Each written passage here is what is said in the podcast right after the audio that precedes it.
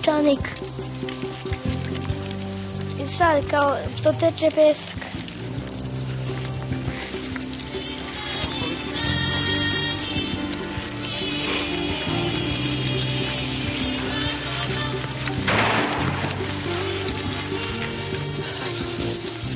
Živet ćemo, radit ćeš ko rob. Bićemo robovi. Nije to hak, to smo mi. Peščanik.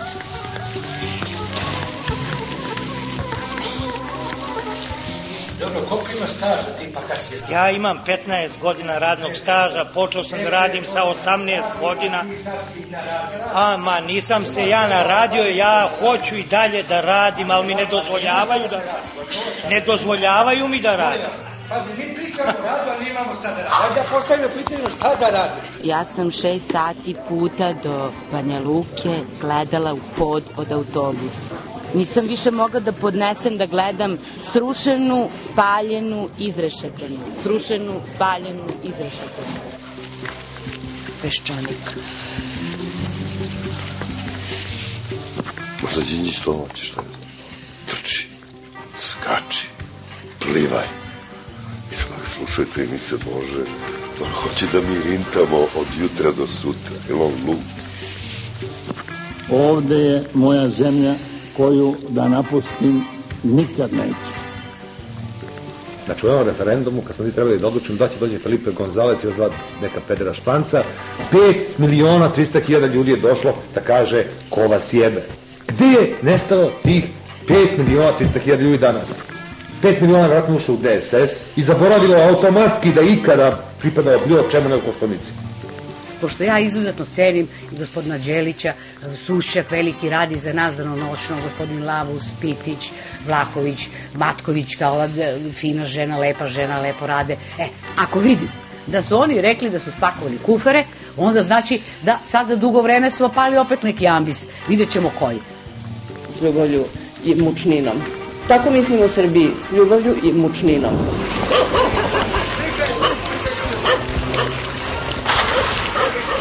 Ti braniš? Peščanik.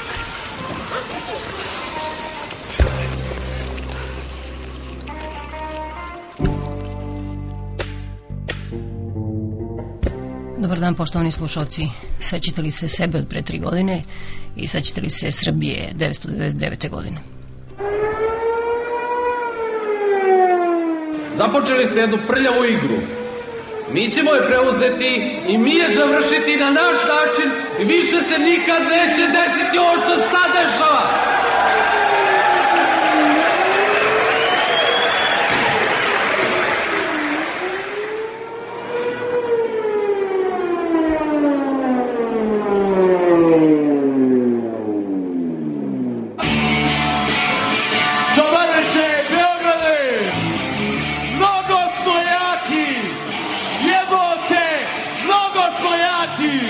Može!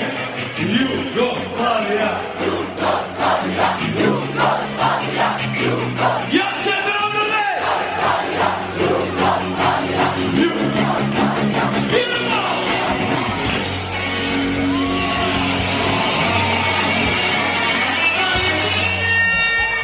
Nikada neću zaboraviti sliku peći kada sam prolazio tih prvih dana, kada sam prosto želeo da odem zauvek sa Kosova i iz celog ovog područja, kada sam jednostavno prošao kroz grad i video sam kolone ljudi, žene, deca, sa nekim kesama, paketićima koje nose tako onog što su uspeli da pokupe, starci, starice, ljudi u kolicima, paralizovani kako ih guraju, kako odlaze, čitav grad se seli, znate, to je bilo strašno. I, eto, ja moram da priznam, ja sam u tom trenutku plakao, ne samo zbog njih, nego videći na neki način da će, i rekao sam to zaista vladici koji je bio u kolima, Vladiko, uh, uskoro će i naš narod ovako da krene. Prvo su streljana deca, pa je zatim streljan Bajram.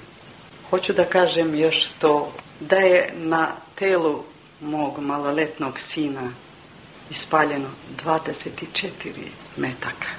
Da je na telo Bajrama ispaljeno 32 metaka.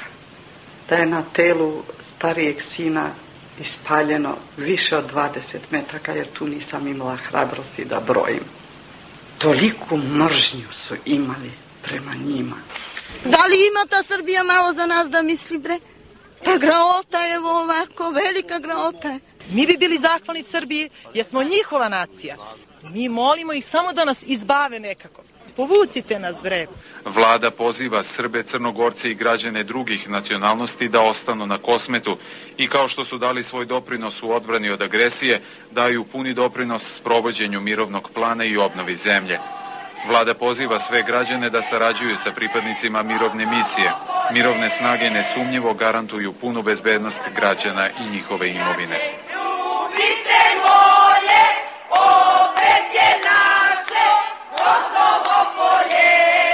Sve će ove zemlje što su nas bombardovale znači velika kriza od Boga. Ne mora od naroda, od Boga, ali oni ne znaju, oni ne veruju u Boga. Bog je jedan, ali važno da je Bog Srbin. Srbin. Čist Srbin. Današnji dan je poseban dan, ali poseban dan jer se na jednoj strani leleče, jauče, a na drugoj strani se peva na nesreću našu tamo na nekom svom mitingu. Izgubio sam sina i ja svaki dan mislim na njega. Ovo kad je godištica, to je samo podsjećanje za one ostale. Meni je to svaki dan podsjećanje i svako, svakodnevni razgovori. S kim god se sretnem, to je već ta tema. Oj Srbijo među bunama, među šljivama, oj Srbijo među ljudima na njivama, oj Srbijo među pesmama u grudima, oj Srbijo puno među narodima. Vekovi su prošli za Brodata, a još ovaj narod kao nekad cvili, to su divni stihovi. I zašto svili naš narod? Un roi, ama mirštyje ditët të ky vend i humbur i botës, ku s'ka jetë dhe ku s'ka dritë. Natës e erot eci, natës e sklavarisë. Dobar dan, slušate Dnevnik radija B92. Tu su žene dobile hleb i vodu, a muškarci batine. Ubijeno preko 20 srpskih To je civila. Među njima jedna žena, ubijeni u samom Ubijeno gradu. najmanje 17 Ubili, a da. Poginulo najmanje četiri policajca i pet Albanaca. Dela. Jedan čovjek je pokušao da digne glavu i odmah je dobio udarac kundakom. Na Kosovu jedan mladić srpske nacionalnosti ubijen, dvojica ranjena, pronađeni tela trojice ubijenih Još uvijek se ništa ne zna o sudbini 21 lica.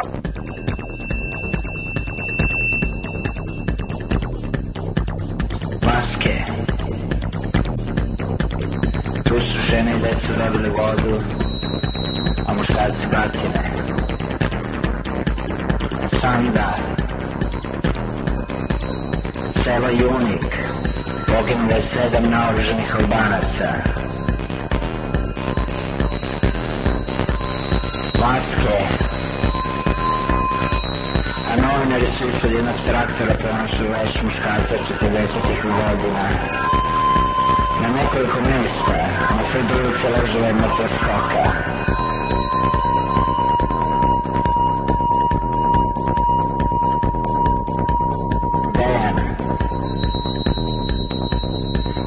Je četiri srpska civila i dva policajca, kao i više pripadnika takozvane OVK.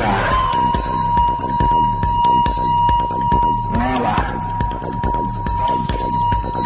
Četiri policajca su poginula, a dvojica su ranjena.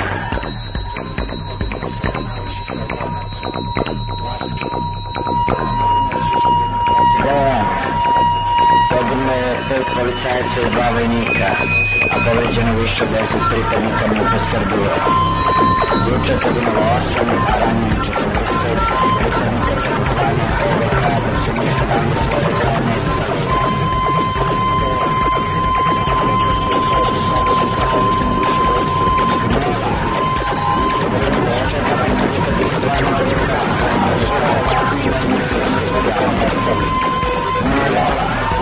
osam,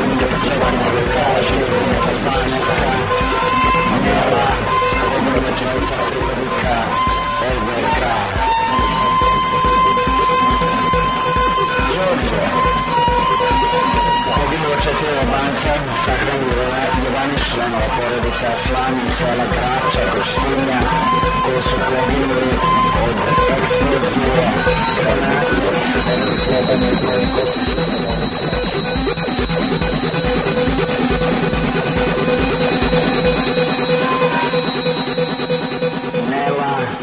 Do sada je u ovom selu identifikovano petoro ubijenih.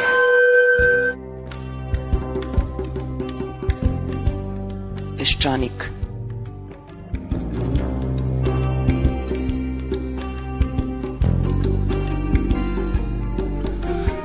Ovo je kao priča od pre tri godine, evo, sada dok mi kao pravimo emisiju Peščanik, hiljade Afganistanaca ovog časa leže mrtva pod ruševinama svojih kuća, posle još jednog užasnog zemljotresa koji pogodio njihovu zemlju. Sad je pitanje da li je to Božja volja ili je to posledica, odnosno kolateralna šteta novog buševog čeda, znate, onu bombu, ne znam tačno kako se zove, što, što se, kad se zari u zemlju, usisava vazduh i kažu, može biti da izaziva zemljotrese. Mi smo naše završili ratove, barem za sada, ovo je bio poslednji čin, ovo bombardovanje, ratova koje smo počeli, koje smo vodili, koje smo izgubili. Umeđu vremena neki heroji su mrtvi, neki su umorni, neki su u Hagu, neki će ubrzo u Hag. A eto, mi svoje herojstvo dokazujemo svakog božeg jutra, pogotovo kad je hladno i kišovito i kad je oblačno, kad ustanemo. Pogotovo smo zaslužili medalju ako se pre doručka umijemo i na putu do posla, recimo, ne razbijemo glavu prvome na, kome, na koga najeđemo. Evo jednog od heroja preživelih, Teofila Pančića.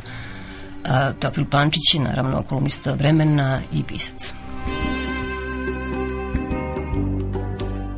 Neću biti originalan ako kažem da je recimo ovo sa Perišićem i nešto što me onako prilično, mislim, pre svega, znaš šta te, zapanjite negde da su ti ljudi zapravo još uvek ovde, ono, zapanjite da su oni dalje tu, da njuškaju negde za tvojim tragom, da nešto glede, brčkaju. Ja ne znam šta je taj Perišić radio, ne mogu da tvrdim da on nije nekome predavao nekakve papire o nečemu, mislim, ne mogu da kažem da je sve to dadošo iskonstruisano. Ali meni cela ta priča onako bila od početka filmska, Čvorovićevska. Uopšte cela ta priča je meni onako delovala kao jedan neverovatan recidiv hladnog rata. Nekako im je žao što nismo što nisu fasovali vreme da mi budemo u Varšavskom paktu pa da se malo ono malo jače nadgornjavaju sa sa Amerima, sa Britancima, ne znam sa kim. Ja mislim to su ljudi hladnoratovskog mentaliteta. Ono mi kažemo treba, ne znam, policija, treba vojska, treba se očisti od Miloševićevih kadrova. Ma nisu to samo Miloševićevi kadrovi, to su Titovi kadrovi, to su Rankovićevi kadrovi, to su Bog zna čiji, Nikola Ljubičića, nemam pojma više čiji su to sve kadrovi. Nemoj misliti da to nisu ti isti ljudi. To su ti isti ljudi koji to rade. I sad ti gledaš posle 15 godina, šta gledaš? Gledaš ovu situaciju. Jednog prononsiranog, notornog antikomunistu, liberala, čoveka kojem su puna usta pravde, zakona, poredka i ne znam sve čega, Vojislava Koštunicu, kako tesno sarađuje sa onim najgorim, onim podzemnim strukturama svih tih nataloženih totalitarizama ono od 45. pa do juče. E, oni su sad ušli u neku simbiozu. Koja je njihova ideja? Koja, šta, šta njih povezuje? Ja jedino što mogu da vidim da njih povezuje, znači to je taj fantazam o nekoj državotvornosti, o tome kako, imaju oni, kako oni imaju neku posebnu misiju u očuvanju države, jer mi, o, mi ovi slabunjavi, ovi građanski liberali, nekakvi koje kakvi, mi smo nepouzdani, mi ne, ume, mi ne znamo šta je zapravo država, mi nemamo taj pobožan, mi smo onako državotvorni ateisti. Dobro je to recimo spomenuti da je, da je upravo taj DSS praktično e, blokirao zakon u Skupštini koji se bavi ženskim pravima Znači, to je uradila jedna stranka, ladno su glasali zajedno sa socijalistima, sa radikalima. Mislim, ko je, njih, ko je njihov motiv bio da to urade? Tu nije bio neki dnevno politički motiv, tu ništa, oni nisu imali nikakav poen da ostvare nad Đinđićem, nad Batićem, na ne znam kim. Znači, ja to mogu da tumačim zaista onako čisto ideološki, eto, oni stoje iza toga. Nećemo mi tu neke, neke žene, neke manjine, neka čudesa, nego daj ti da mi razgovaramo o ozbiljnim stvarima, srpstvo nam je ugroženo i tako. Znači, potpuno jedna nastrana, a opet, nažalost, kad pogledaš nekako i logična simbioza, znači, eto, Ilija, ona Ilija koji je držao onu Staljinovu sliku, zapravo ispostavlja se da, da nije bitan taj Staljin. Mislim, može da bude i neka druga slika. U manastiru Svetog Nikole blizu Ljubovije svetu arhijerejsku liturgiju i parasto žrtvama bombardovanja služio je patrijarh srpski gospodin Pavle, a spomenik vladiki Nikolaju u prisustvu načelnika generalštaba Vojske Jugoslavije Nebojše Pavkovića otkrio je pesnik Matija Bečković. U besedi Bečković je između ostalog rekao U naše dane i na naše oči Sokograd postaje duhovno središte, a tek sa ovim hramom, krstom i spomenikom vladiki Nikolaju, Sokolske planine kao da postaju kičma srpstva i bedem hrišćanstva, kako ih je nazvao vož Karadžorđe. I kao što smo nekad pod zemljom nalazili i otkopavali crkve, Tako nam se čini kao da smo sada ovde otkopali ne samo crkvu i grad i spomenik, nego i celu planinu koja je isplivala i izronila iz zaborava i neznanja i stala na mapu svoje zemlje i zaustavila se u prineblju Srbije. Na današnji dan je trogodišnjica onog nebivalog čina kad je Evropa izvedena iz pameti, nagrđivala svoje sobstveno lice i bombardovala samu sebe, uobražavajući da to čini nekom drugom. Duh koji je stvorio sadašnju Evropu pisao je vladika Nikolaj To je prastari i buđavi duh paganizma, rekao je Matija Bećković.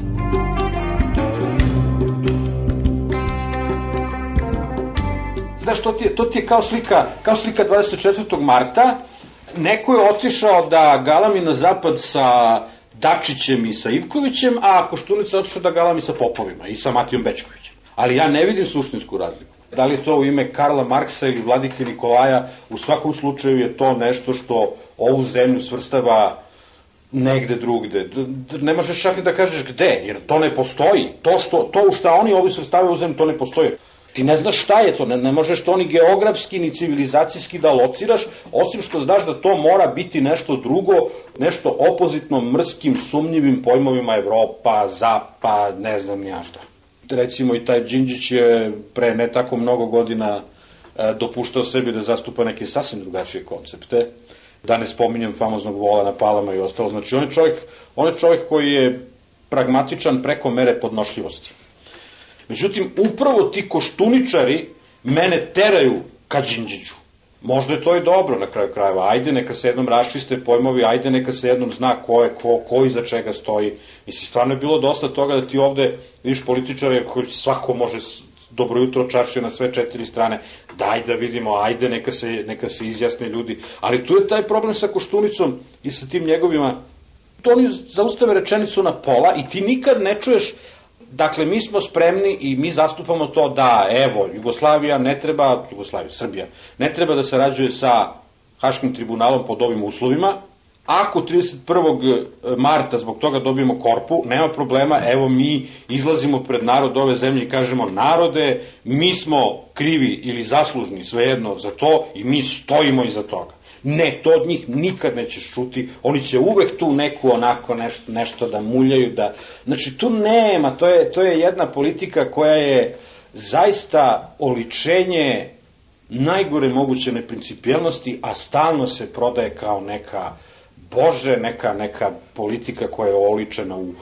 vrlini gotovo nadzemaljskog sjaja. Ti ljudi vole da žive sa sablastima, pa ti imaš, gde ćeš boljeg primjera od činjenice da mi živimo u državi sablasti. Ta država koja se dojuče zvala SRJ, a danas se valjda zove Srbija i Crna Gora, misli, svi dobro znamo da te države nema. I svi dobro znamo da teško da će i biti. A ja bih otišao korak dalje i, i postavio pitanje, a zašto bi uopšte i bilo i čemu to služi, a još i ne radi. Zapravo dođe do zaključka da to treba njima iz dva razloga. Jedan je jedan je onako čisto pragmatičan da bi Koštunica imao radno mesto, a drugi je u izvesnom smislu ideološki ili paraideološki, zašto to njima lepo zvuči. Zato što je to makar jedan okrajak njihove ideje o srpskim zemljama. Jer ipak, dok god su Srbija i Crna Gora, možeš da upotrebljavaš neku množinu. To su neke zemlje ja verujem da je on čovjek koji se užasno plaši, to čak i neki njegovi saradnici kažu, samo što oni to kažu sa respektom, da je on čovjek koji je užasno zabrinut nad tim kako će on izgledati u, u ogledalu istorije. Bože me prosti, zamislite da on bude poslednji predsednik neke srpsko-crnogorske države. Jao, strašno. Znači, njemu, to, je, to je za mene vrhunac taštine. Pa čoveče Boži, nisi ti tu zato da se lickaš pred istorijom, da ti pred njom ispadaš bolji, nego je valjda važno to da, da se država, realno postojeća država, realno postojeća država se zove Srbija i realno postojeća država se sastoji od takozvane uže Srbije i Vojvodine. I to je naša država. Ne, sve drugo je inostranstvo, žalim slučaj. Čitao što je Bečković izgovorio pred tim grandioznim spomenikom? Da, da, da, da. To je čovek onako profesionalni držač opela. Ja mislim, može se može tako reći, profesionalni držač pridržavač opela, posmrtnih govora, tih kađenja raznih. Znači on to tako ide, pa ajde danas Dučića, sutra ne znam koga, prek sutra Nikolaja, nak sutra, Bog zna, već Čičadražu. Čovjek je stvarno jedna neverovatna, neverovatna pojava, ali on je meni više stvarno i dosadan. I taj njegov govor i to kad on ukazuje na to karakteristično mesto kod Nikolaja, daj da mi vidimo kakva je ta Evropa ta Evropa koja je nas bombardovala, što znači da je sebe bombardovala, ali zapravo nije to čudno, jer Nikolaj lepo piše da je ta Evropa zapravo znamo šta. Naravno, mislim, nije, nije u suštini važan ni Nikolaj, ni još manje Matija Bečković, nego njihovi obožavoci. To je to biračko telo svih tih ludačkih stranaka kroz sve ove godine. To su podržavaci svih tih ludačkih poduhvata i svega onoga što se dešavalo i u Bosni i gde god hoćeš. Ono, to, to su ti ljudi, to je taj sloj, to je taj mentalitet.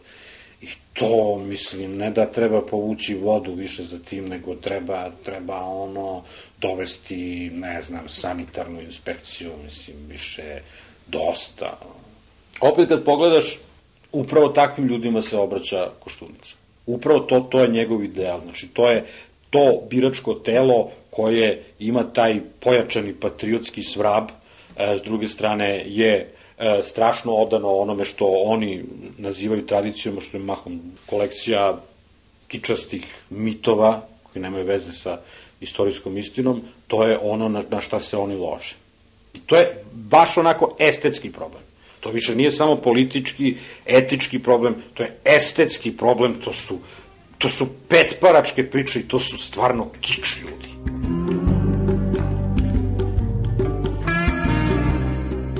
Pisao neki tekst povodom neke priče da je PKB-ta dala direktivu e, svojim e, poslovođama svih prodavnica PKB-te da u buduće u njenim lokalima ne sme da se pušta turbo folk i tome slično, pošto, znaš, svi imaju one tranzistore i to ono, tetkice, čilageri, ono, odvrću te stvari i stvarno, mislim, ja koji čak nosim Walkman, znam koliko puta sam ušao u radnju, nije bitno da li njihova ili neka druga, i ono, te ubijate, bre, ono, ko kad putuješ autobusom po Srbiji, isti džavo. I oni su doneli tu odluku i meni to se učinilo na neki način, to je onako jedan pravi tranzi, tranzicijski potez, ono, u onom dobrom smislu reči. Zašto sam se toga setio baš sad? Zašto sam nešto napisao u stilu da mi se čini da mnogi ljudi koji su otišli iz ove zemlje u protekli desetak, 12 godina, nisu otišli samo, možda čak ne ni prevashodno zbog, ne znam, siromaštva, zbog ovog onog, nego bre i zbog tog soundtracka te Srbije. Ti kad vidiš one ljude na zelenom vencu, bre, ja svako veče tamo prolazim, to je za mene slika, slika ove zemlje sada. Dolaze autobus iz pravca Novog Beograda, skreće iz Brankove u ono, kako se to znači, Juk Bogdanovu, i ostavlja e, tu putnike koji su došli sa Novog Beograda. Tu stoje desetine i desetine ljudi, bakica, starijih, starijeg sveta, svih mogućih struktura, radnika, službenika, poštene inteligencije, oni čekaju da tu uđu u autobus. Ne na terminalu za svoju liniju, nego tu, ne bili nekog zajebali, ne bili seli, ne bili, ne bili ono, doskočili sistemu.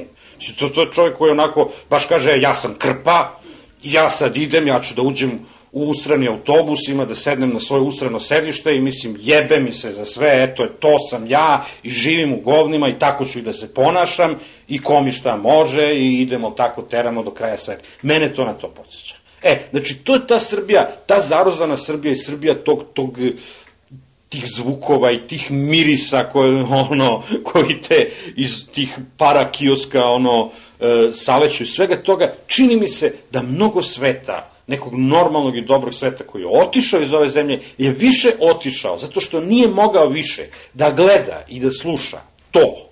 I za mene osnovni kriterijum, svako ko povlađuje džiberluku, svako ko povlađuje tom populističkom mišljenju, ukusu, bilo čemu, za mene je neprijatelj onoga za što se ja borim. Imaš vrlo eksplicitne, imaš vrlo jasne primere tipa Velja Ilića, A imaš ove koji su kao finiji, ali na kraju se svodi na to da rade još gore stvari. A to su ljudi kao što je Koštunica i njegova stranka.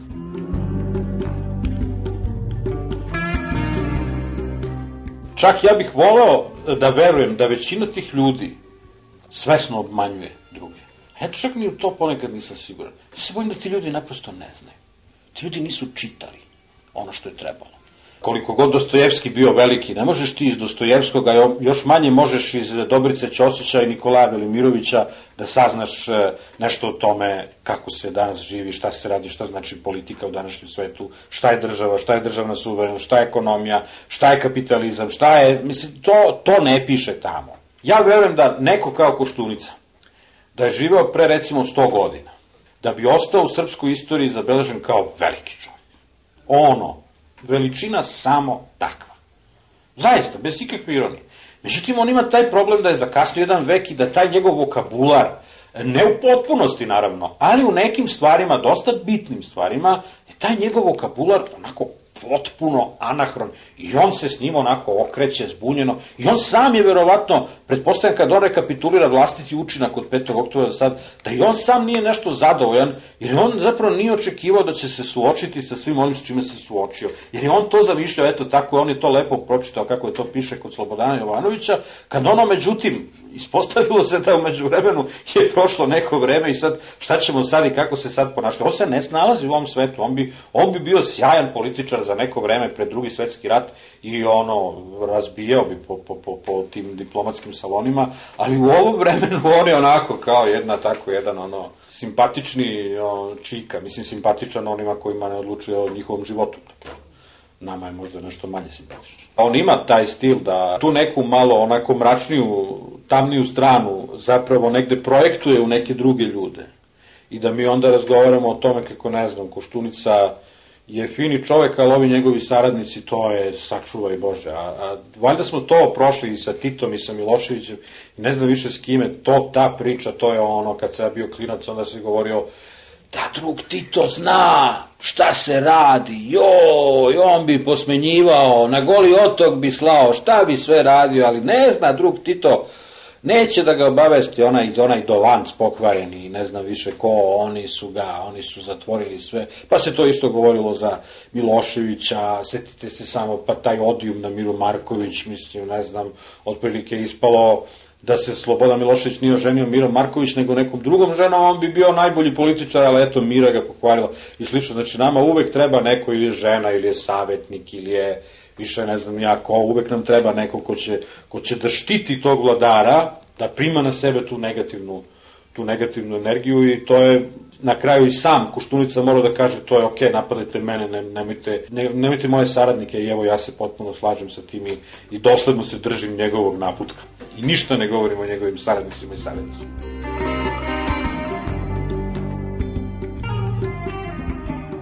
Kako da ti kažem, to je valjda kao onaj ludak u gumenoj sobi, mislim. Prosto on bi možda hteo nešto sebi da učini nažao, ali ne može. Tako su ga ono skembali da on ne može više ništa. Mislim, ne može čak ni da, ni da lupa glavom u zid jer neće biti ništa jer je zid od gume.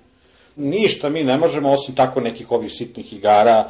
Prošlo je zlatno doba ratova, nema više rata, nema, ne može da se ratuje za zapadne srpske zemlje ili istočne, severne, južne, jebem li ga više koje. Sve što se može, eto, to su ove nekakve tako te virtualne afere, te Deli Mustafić, te te Perišić, te ne znam šta je već bilo pre toga. Znači, to onako ipak dosta operetski. Mislim da smo mi, znači, e, došli do onog stadijuma elementarne fizičke sigurnosti. Znači, više te niko neće mobilisati, slati u rati, ne znam šta, što kad pogledaš i nije baš tako mala stvar.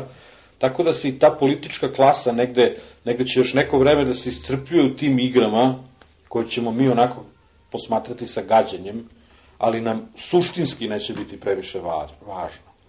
Jer prosto jedna je stvar kada ti razgovaraš o nekom Perišiću, a druga je stvar kada kada svakog dana nagađaš hoće li biti bombardovan kao što je bilo pre tri godine, ono kad su ljudi zaista imali jedan egzistencijalni, utemeljeni egzistencijalni strah koji se na kraju pokazao veoma opravdanim.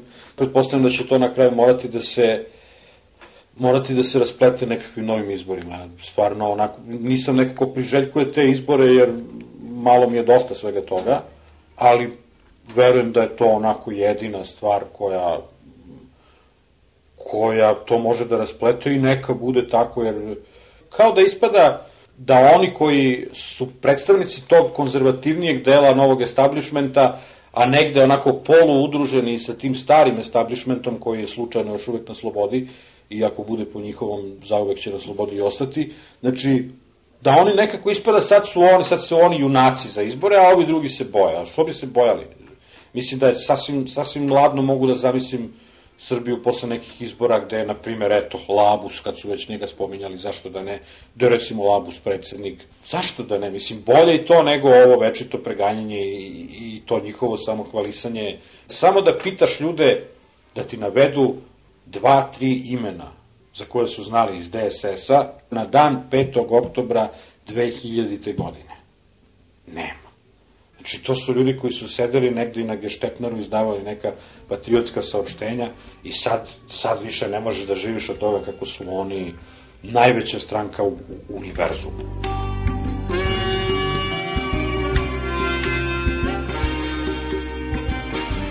Ja stalno imam potrebu da izađem, ali imam i potrebu da se vratim. Prosto, mislim, ja sam te stvari nekako ono sa sobom odavno raščistio. Ja sam čovjek koji se bavi jezikom, koji piše. Ja ne mogu to da radim među Fincima, ne mogu to da radim među Škotima, nego mogu da radim među Srbima i možda još nekim južnim Slovenima. To je znači neki moj svet i, i e, taj svet me inspiriše, on me nervira, konstantno me užasno nervira, ali me u isto vreme inspiriše tako da ja nemam onu vrstu, onu vrstu osjećanja joj, daj da odem negde da više nikad ne znam šta se ovde dešava. Ne, prosto, onda to ne bih bio ja. Ja mislim da je strategija svih nas koji smo nešto tu kao sedeli ovde deset godina, a da nismo sedeli skrštenih ruku, nego da smo se svako na svoj način nešto borili, je bila otprilike sledeća, neću da izađem na svež vastuh, nego hoću da otvorim prozor.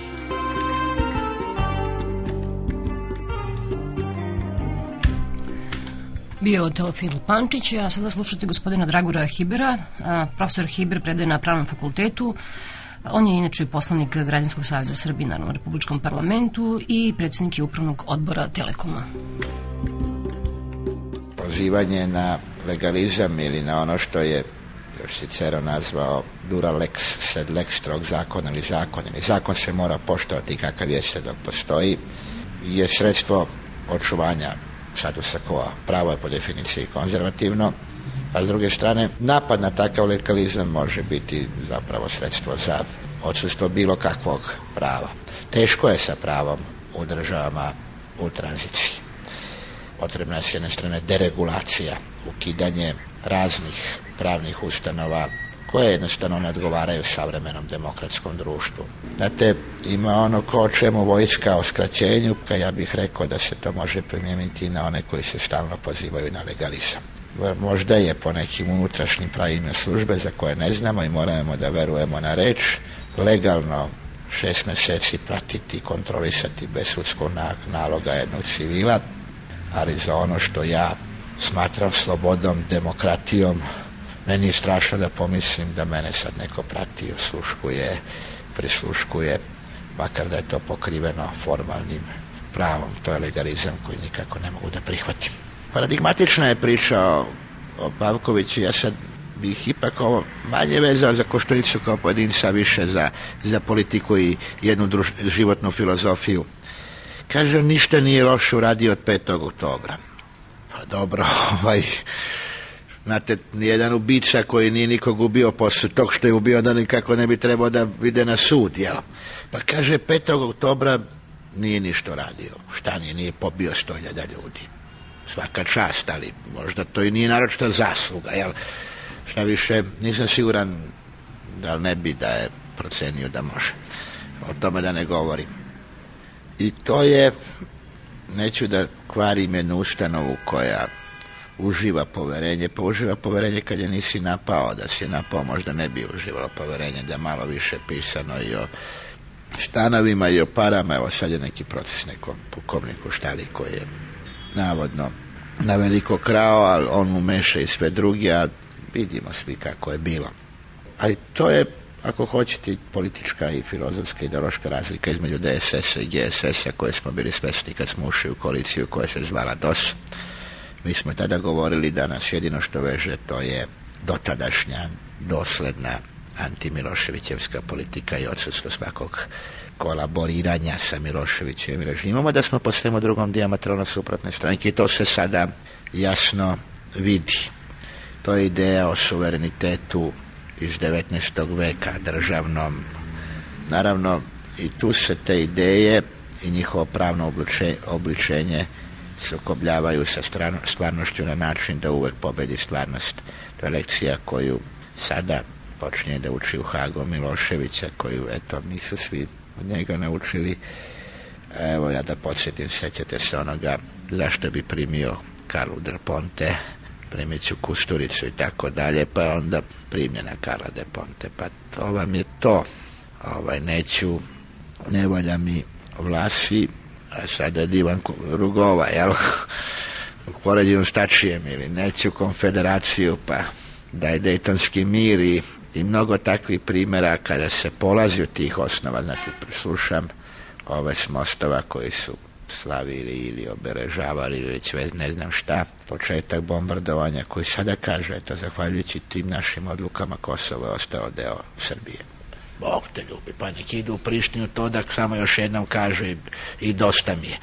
Mislim, koje je to samo zavaravanje koje proizilazi iz njihovog položaja u društvu. To su te tradicionalne konzervativne snage koje, koje prodaju rok za sveću kad tvrde da je Kosovo tek tako deo, deo Srbije i sebi i drugima, nažalost i sebi.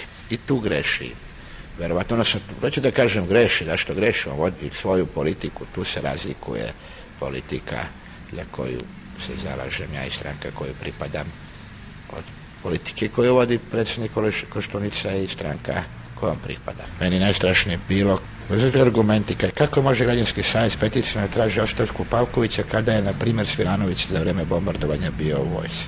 Pa nije bio kod Pavkovića, nije ga Pavković, mislim, potpuna zamena, strašna teza, najsmešnije mi je bilo kad nam je Pavković zapretio tužbom, što tražimo njegovu ostavku, komentarisao sam za jedne novine, nažalost to nisu objavile, e, drago mi je što će se Pavković konačno naći na sudu. To je jasno da je sada demokratska stranka Srbije jedna od perjanica te i takve tradicionalističke Srbije. Naravno, ne u celini, rekao sam da te šavovi ne, ide, ne idu po stranačkim rubovima i ne u svakom političkom gestu i ne u svakom svom članu ili političkom rukovodiocu, kao što nije ni obrnuto.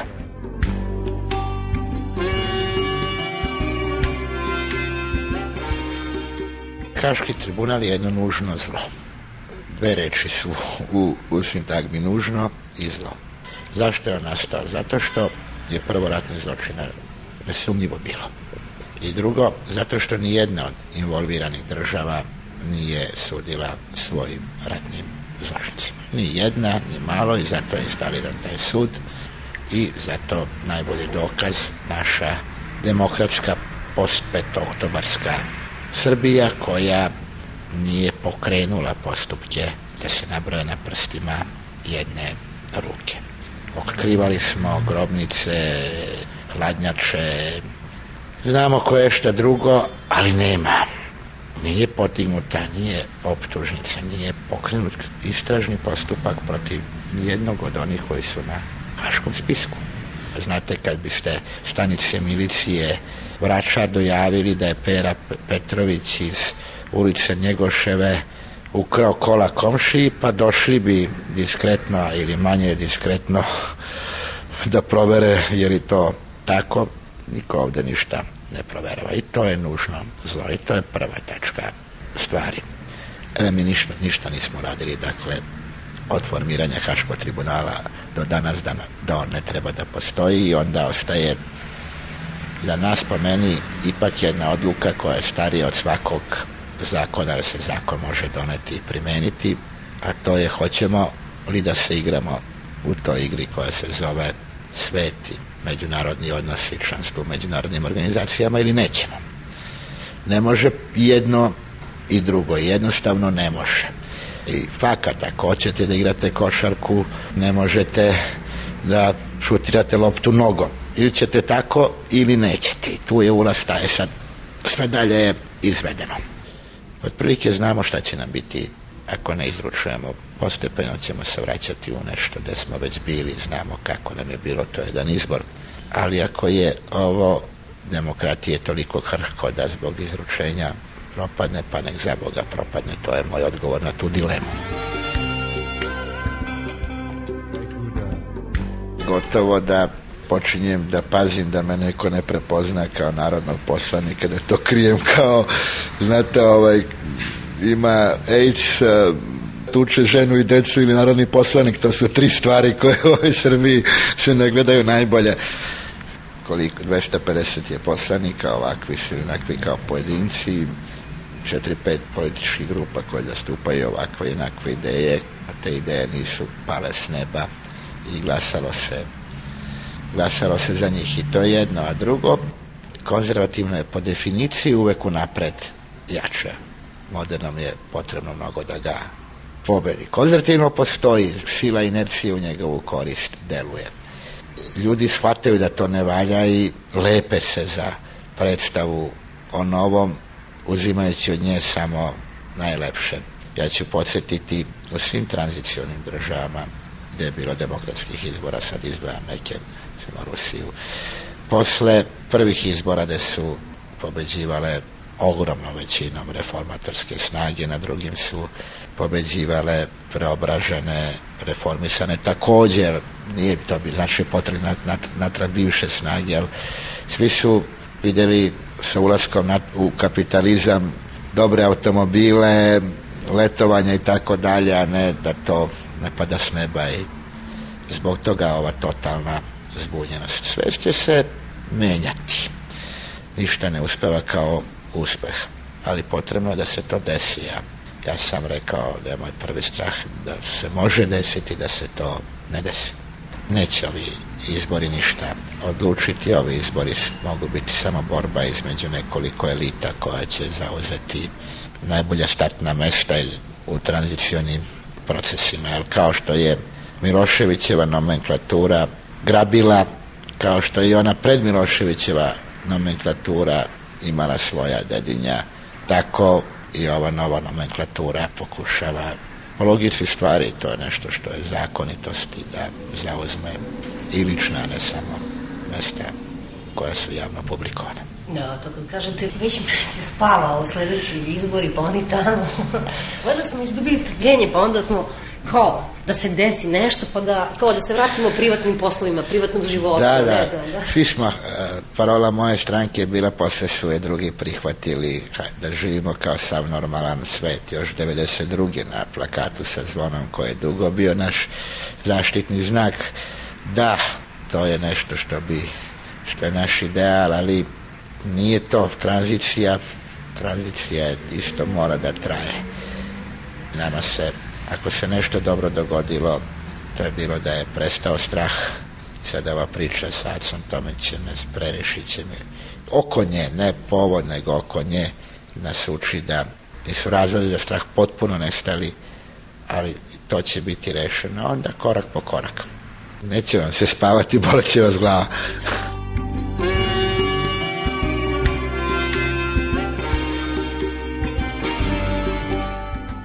bio je profesor Dragora Hibr, a sada ćete čuti Borisa Budena, on je inače publicista, napustio je Hrvatsku gde je rođen. Hrvatsku je dakle napustio 1990. godine i od tada živi u Beču. Pre neki dan mu je u Beogradu u izdanju Centra za savremenu umetnost izašla knjiga Kapitolski kolodvor. Evo navešću vam samo dva, tri podnaslova. Srbi su tako drski, uloga Haškog suda u novoj svetskoj revoluciji i istini pomirenje ne hvala. Uzeo sam jednu tu početnu prvu rečenicu povratka Filipa Latinovića, Miroslava Krleže, koja glasi svitalo je kada je Filip stigao na kaptolski kolodvor. O čemu je riječ u povratku Filipa Latinovića? Iz emigracije vraća se jedan tipični, osjetljivi, politizirani, moralno senzibilni intelektualac pokušava se vratiti, taj pokušaj završava, kao što znamo, završava tragično. Moj problem je da sam ja također emigrant, netko tko je otišao i pred kojim dilema povratka postoji u realnom smislu. Vratiti se ili se ne vratiti. Ono što je odgovor je da treba početi pisati dakle romane koji bi počinjali rečenicom svitalo je kada je Filip krenuo s kapitolskog kolodvora. U jednom političkom smislu to je i moja teza da ovaj univerzum suvremene demokracije koji se bazira na nacionalnoj državi, kao što znamo, da taj univerzum u koji su naši narodi krajem 80-ih pokušali se tako direktno upisati kao pačići u školu nacionalne demokracije, da je taj univerzum u stanju raspada. Ono, ono što se zapravo stvarno dramatski odvija je nemogućnost povratka. Dakle, postoji lutalica, ali nema više Itake, nema više Penelopa, nema više sretnog otoka na kojem vjerni čekaju i kojem postoje nekakvi protivnici koje treba još dodatno i definitivno likvidirati da bi se našla nekakva sreća. Taj otok, dakle ta Itaka, ta iluzija je definitivno raspršena. Temeljna teza ove knjige je i u tome, tako knjiga počinje, da ovih deset godina rata nema smisla. Prvu stvar koju sam ovdje u Beogradu napravio, to je, uključio sam televizor i vidio sam taj direktni prijenos haškog procesa i te reklame koje kao valovi ovako idu sa jednom laganom, finom muzikom koja prati to. Taj divan, zabavni, svakidašnji element koji se sad ovdje pojavio kao kruna svega, istina toga je naravno da postojeća srpska država nije suverena, zato što mora svoje dakle građane isporučivati stranim potpuno nedefiniranim institucijama ako ovih deset godina treba imati neko ime za sve nas ovdje, onda je to suvremeno izvanredno stanje. To je temeljno iskustvo koje su sve naše nacije doživjele sve se nalaze u nekoj vrsti prijelaza tranzicije iz jedne iluzije u drugu iluziju, u jedini realno politički projekt, to je Europska unija, koja se nalazi opet principijelno gledano ispod nivoa pitanja na kojem je pala Jugoslavija. Koja još nije došla do te dramatične dileme na kojoj su ovi narodi zakazali.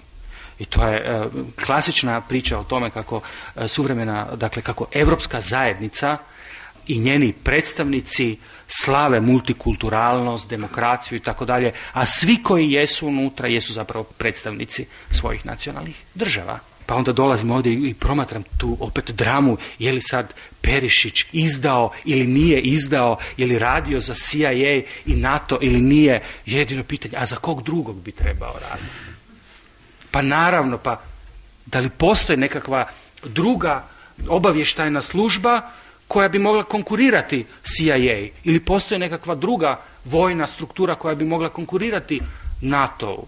Dakle, događaju se potpuno banalne stvari na razini odnosa moći koje e, jednostavno zbog e, količine starih iluzija koje imamo još uvijek izazivaju dramatske zaplete, ali po sebi su potpuno banalne i relevantne.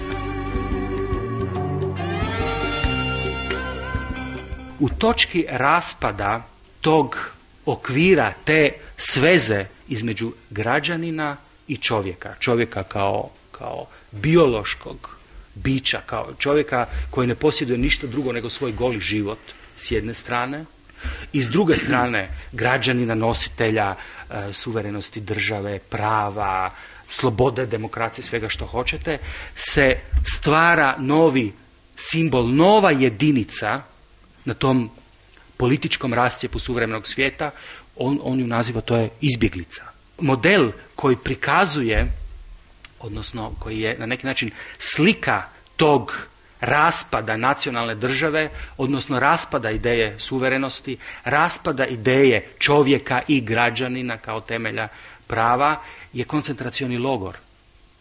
Drugim riječima, to su temeljna iskustva koje smo mi posljednjih deset godina doživjeli. U tom smislu i unaprijed želim pomoći u tumačenju toga zašto se ovdje objavljuje knjiga, pomoći i reći ne, to nije priča o dolasku Hrvata u Srbiju. To su stare priče. Niti ja dolazim iz Hrvatske, niti sam ja u političkom i u kulturnom smislu više Hrvat, nego sam dio onih o kojima govorim da jesu na neki način nositelji simbolički suvremenog svijeta. Ja sam izbjeglica, bez Itake, bez Zagreba, bez, bez Beograda kao zamjene. Shvatiti da smo pred tim potpuno novim izazovima i dilemama i oprostiti se od tih iluzija je za mene jedan optimistički element. Zato se ta knjiga zove Kaptonski kolodvor, zato što je to jedno fiktivno mjesto s kojeg ja eto, dolazim iz literarne fikcije, odnosno odlazim, ali to nije Zagreb.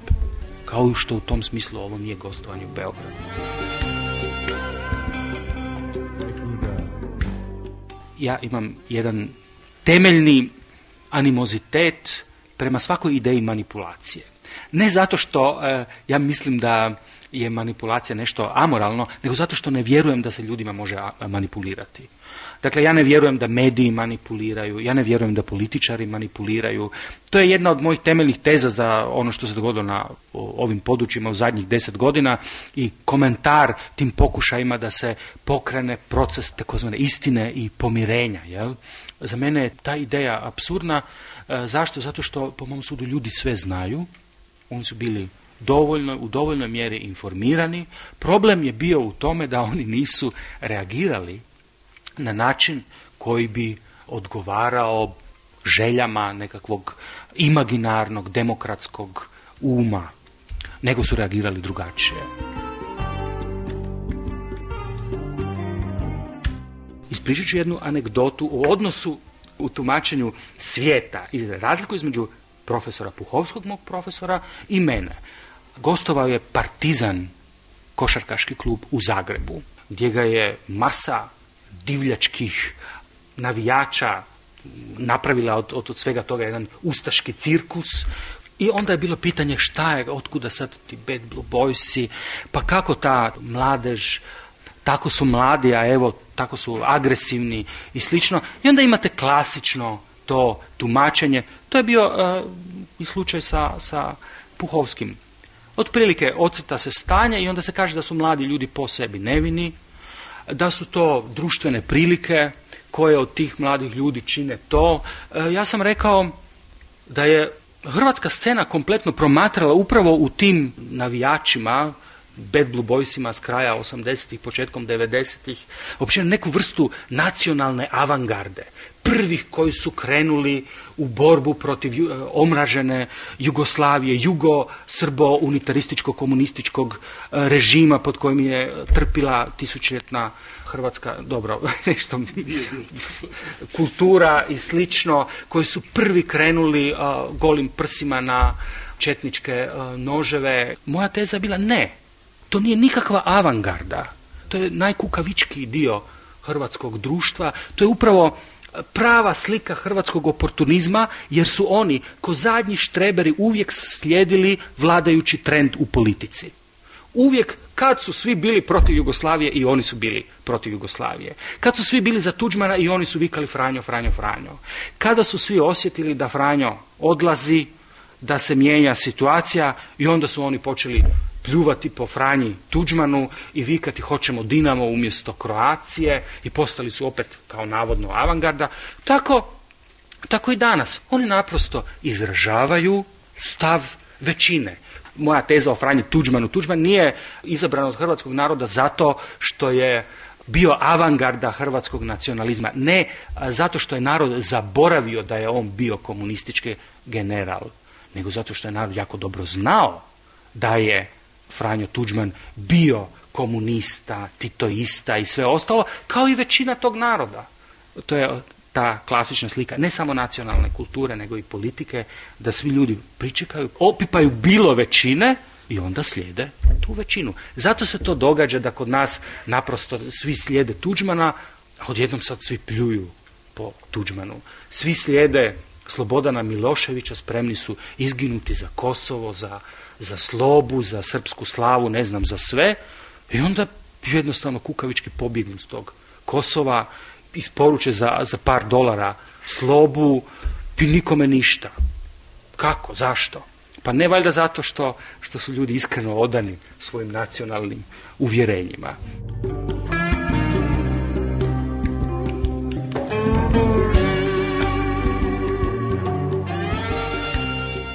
Ne, vi ne živite u srpskoj državi, vi živite u izvanrednom stanju.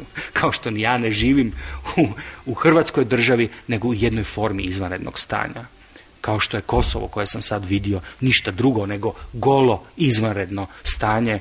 Isto se događa pod Berlusconijem u Italiji, tu se otvaraju te kaverne, breše, nagle liberalizacije, tako da se ta ideja stabilne, socijalne države upravo se, upravo se e, raspada. Ona je zapravo neodrživa.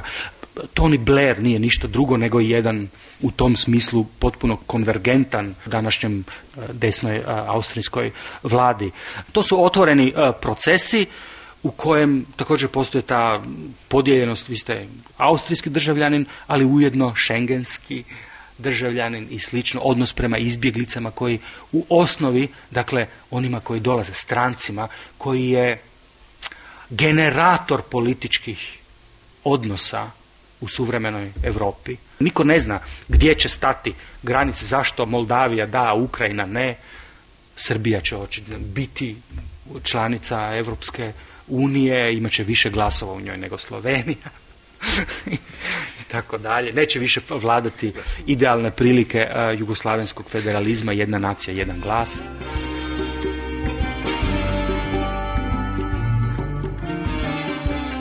Da li mi govorimo o Jugoslaviji koja u ovom trenutku definitivno nestaje kao o prošlosti?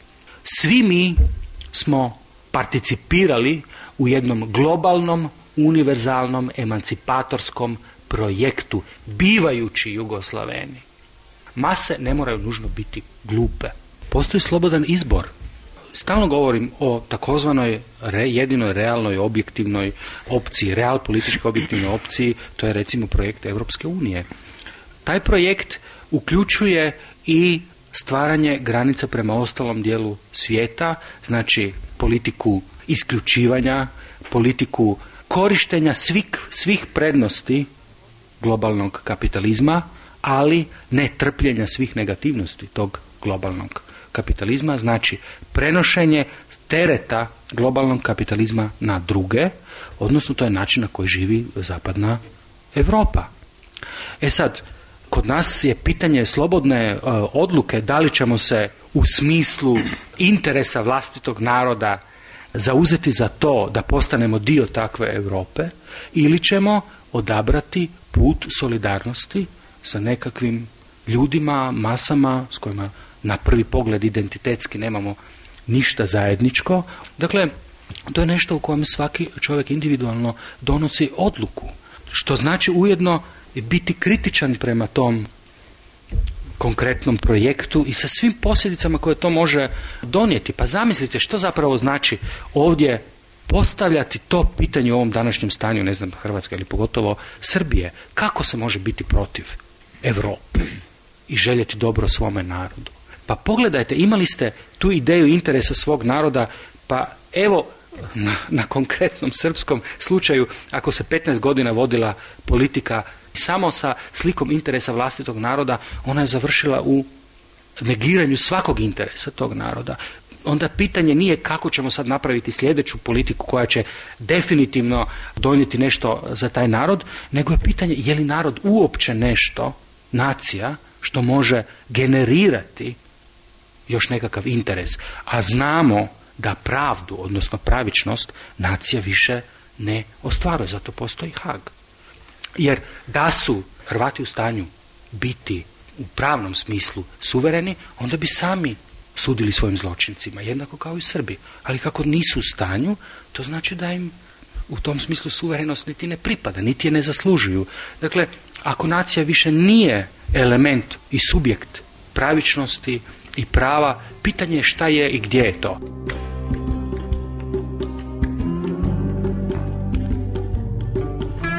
Bio je Boris Budin, zahvaljujem se našoj kolegnici Maši Radanić iz kulturne redakcije koja je razgovarala sa Borisom Budinom i koja nas je u ostrom obavestila da je ovaj zanimljivi autor u gradu i koga neki kritičari odavde zovu krleženim pravonukom.